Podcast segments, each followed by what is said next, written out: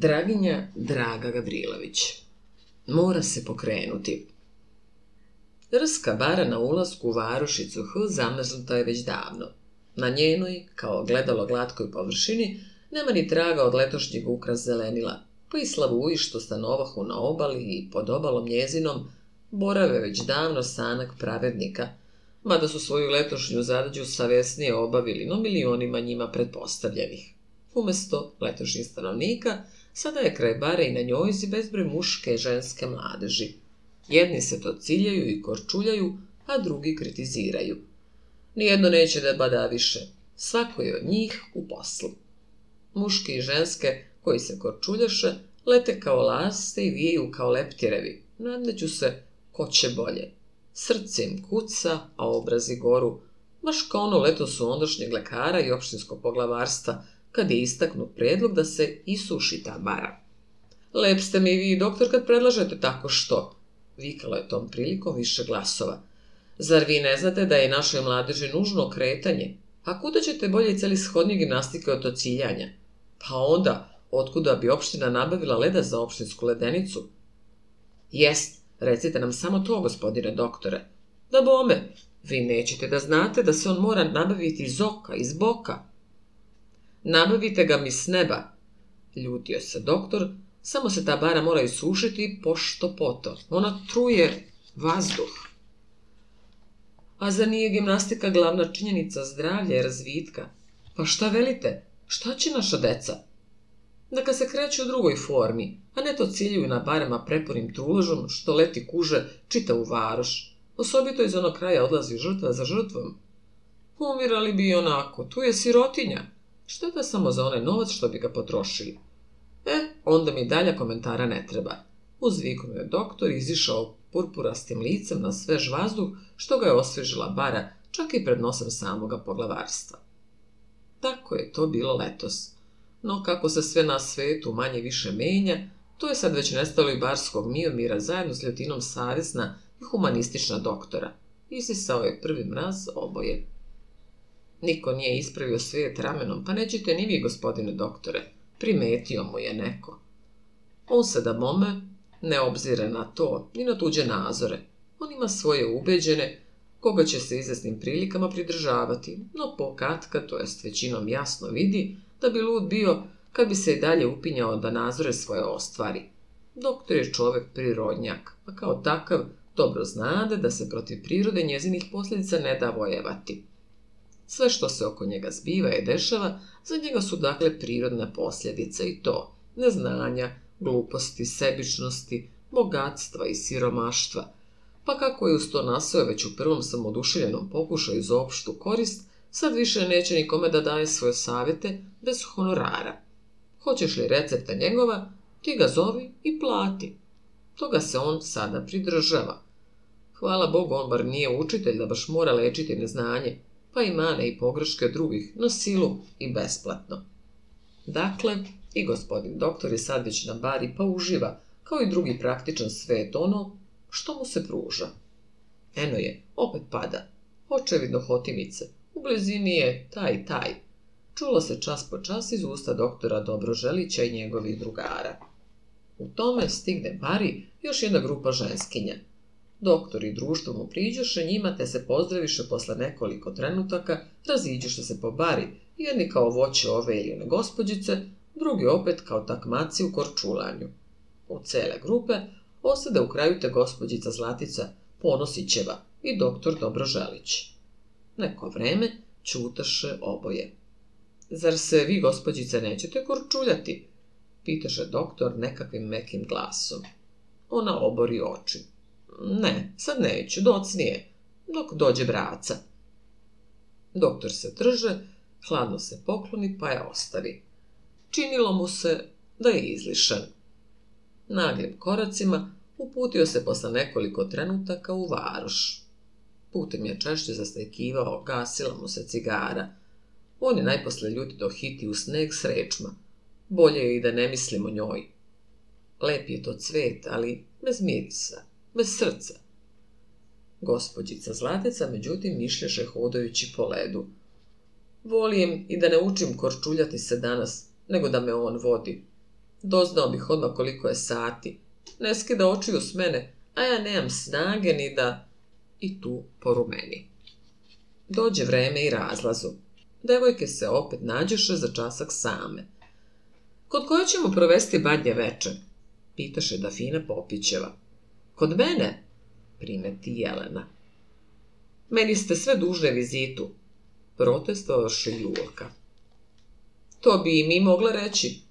Viknuše više glasova u isti mah i tu se otpoče čitava debata koga treba po pravdi pohoditi na badnje veče. Manite se sad etiketnih pravila i vizita, reče sad važnim glasom Pavica Lakožićeva. Nego dođite sve meni. Braci će opet doći svi muški, te ćemo lepo provesti. Pa onda tu pogleda oko sebe i šaputaše. Liza, naša kuvarica, naučit će nas kako da kuvamo valjuške, da bi doznale ko nam je suđeni. Razume se da je to šala, ali tek će biti amisantno zanimljivo. Pristajete li? Evo ruke. Pa se zatim oputiše u varoš. Dođe i badnje veče. Deca se već umorila od raznih radosnih i moćnih utisaka, te u postelji sa otvorenim očima sanjaju o daru iz česnice i dražima sutrašnjega dana. S prvim dečijim snom svršen je i prvi čin badnje večerskog veselja i otpoče drugi čin, čin za odrasle. U kući gospodina Lakoživića iskupio se priličan broj mladeži obojega pola. Imao je odrasla sina i kćer, pa je prirodno što se mladež u njegovoj kući okupila. Zabavljalo se živo i veselo, kao obično kad je društvo, što noveli frajla Božurka šatira to. Na jedan put uđe u sobu kuvarica Liza i šanu Pavici, svojoj mladoj gospođici nešto na uho. Ona klimnu odobravajući glavom, zatim joj zapovedi da donese iz podruma još tri flaše vina. Eliza donese vino. Muški nališe čaše ponovo, te počeše piti u to i to ime. Dok su oni oduševljeno nazdravljali, počin ženskog šatirunga pomalo nestajati. Iskupio se sav u Lizinoj sobici, odnosno u zimskoj kujni. U štednjaku šporhelju gori vatra. Na njemu struji u šerpenji voda, a Liza drži u ruci tanjir s testom od kojeg je pravila rezance za večeru, pa im razlaže. Milostiva gospođica treba napiše na tri cetula tri muško ime, jel tri sanat, posle treba pravi od nešto i ove testroti faluške znate knedel, pa ondak molim fater unser, a kad paciš u fri voda, koja valuška skoči prva kore, ona ime jel sanat vaš suđenik. Neke od devojaka gušiše se zadržanim smejom i domaćica se smešila pa joj primeti. Što se Lizom učite srpskim jezikom? Znamo mi i nemački. Ne tirlih, reče Liza osmejkujući se vragalasto, ali moj suđen pod nebu srbin, pa drepa pa učiš i taj jezik. Vi ste Nemica, smejala se Zlatica, pa ako zaista verujete u sudbinu, ne smete se tome ni nadati. Sudbina obično dosuđuje Srbinu tek Srpkinju. E, možeš ono kako čovek hoćeš, smela se Liza, pa im donese pisaći pribor. Šta ćemo pisati, imena ili staleže? Bolje stalež, zaključiše po tome. Rasumem. Kad piši sanat, ne znaš koga voleš, ali treba pojiš. Lizi nije klač. Bože, sačuvaj Lizu, ne bojimo se mi vas. Nego vidite, molim vas, jesu li zabravljena vrata, da nas muški ne uhvate u tom poslu? Liza zabravi vrata i dođe opet štednjaku. Dadoše se u posao. Devojke se otimaše koja će pred seduljice napisati. Samo Zlatica mirno posmatraša neku sliku što je visila nad posteljom Lizinom.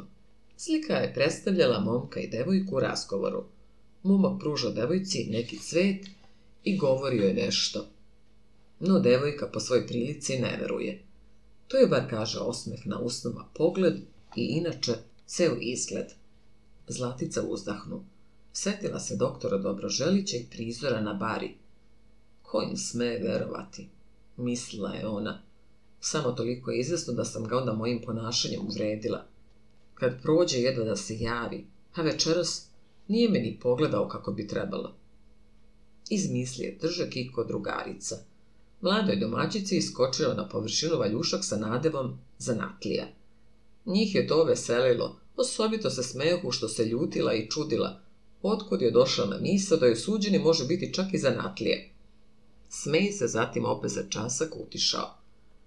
Fater unser, ponavljala Liza već i šesti, sedmi put. Svakog puta iskakao je po jedan valjušak na površinu vode i svakog puta ječala je soba od glasna devojačka smeja. Na posledku osadoše na redu još dve drugarice i zlatica. Gle onoga ozbiljka, razgleda slike. Nasmeja se domaćica, ali to ne sme biti. Moramo doznati staleži tvoga suđenika. Pa privuče zlaticu k stolu. Tu piši, viknuo zapovedajući i opet ode štednjaku. Baš je u taj par iskočio valjušak jedne drugarice. Zlatica napisa ceduljice i načini valjuške. Kad priđe štednjaku, začu se neko uzdržano kašljucanje. Sve upraviše pogled u vrata, a Zlatica baci valjuške u vodu i ne gledajući kako, samo tek da ih izbaci iz šaka. To je Hanuma, hoćeš unutra, ne treba pojiš. Herm tamo piješ, a frata je to geschlossen i tu prodrma vrata. Kad se uveriše da su vrata zaista zabravljena, setiše se valjušaka koji ujedno slepljeni stojahu na dnu šerpenje. Zlatica je u zabuni, sva tri stisla u loptu i tako bacila u vodu. Što si ih pustila pre vremena? Karaše je domaćica. Zar ti nisi videla da voda ne vri kako treba? Dok smo se mi smejale s Julkinim popom, vatra se zagasila. Pa kakvi su ti to valjušci, teški kao tanad. Mora biti da su imena zamašna. Lizo, metnite još koje drvce da, pokrenemo te junačine. Zlatica se smeješe, a Liza metnu drva u štenjak i opet počne. Fater unsar. Očitala ga je već i šest i sedmi put, a valjušci ne misle da se pokrenu. Uze ih već nestrpljenje, te sve redom nadvirivahu nad šerpenjom. Šta ćemo sad, Lizo? Pitaše je u smeju Zlatica. Vidite, ja nemam suđenika. E, frajlih, moraš skočiš, samo vidiraš svarjača. Pravo, veli Liza. Ti se zapekli, pa se mora i pokrenuti, smele se devojke. Tebi je valjda tako suđeno. Mora se pokrenuti, ponovi u smeju Zlatica. Kakva li je to onda sudbina? Jednom sudi ovako, drugom onako. Nemoj vas da razvoditi, već gurnite valjuške. Dokle da čekamo? Zar ne vidiš da se zapekli? Baš zato neću, šalila se ona. Ako je suđeno da se udam, neka iskoče sami. Ja ih neću gurkati. To bi značilo gurkati suđenika, a sudbini valjda tek nije nužna moja pomoć. Ta nemoj se luditi, već ih pokreni ili daj vareču da ih mi pokrenemo. Na čast vam polje, samo ja nikad neću šalj ljubav izazivati. Taj se još nije rodio, pa ma kako ga volala već od sebe. Kad već nije, inače dopustite da ih ja pokrenem. Drže ih iz prepirke glas doktora Dobroželića. One se obrnuše i skameniše. U sobi i to baš pred njima stavio mladi domaćin s doktorom i celim muškim šatirungom. Liza je istina zaboravila vrata što vode sobi u kojoj behu muški, a ona mala vrateoca do kojih se može doći te hodnikom i kroz jestičaru zaboravila je ona i domaćica, te tako sad behu izdate. Prva se prikupi zlatica i poleti šerpenji da bar cedulja uništi. Domaćin je zadrža, a doktor zgrabi vareču te u svo lizino otiskivanje izvadi valjuške. Nade prvoga, što ga nabrzo raskide, beše doktor. On toplo pogleda zbunjenu zlaticu i ispusti ona druga dva valjuška na pod. Društvo se stade od njih otimati, a on priđe u tom žagru o zlatici te šanu. Neću vas, gospođice, izdati. Zadovoljit ću se sa onim što sam čuo i što sam doznao da vam suđenik sme biti i, i doktor. I s tim podera cedoljicu. Došlo je i drugo badnje veče. Doktor Dobroželić i njegova žena Zlatica sede za večerom. Kad Zlatica metnu pred muža čini u srezanci, pogleda ga zlačajno pa se osmehnu. Razumem, reče on videći. Setila si se valjušaka. I meni su danas vazda na umu. I bit ću im do smrti zahvalan. Da ne bešite vaše devojačke šale, ja bi danas bio oženjen s Poldinom Berovom. Ona je, kao što ti veliš, ljubav izazivala.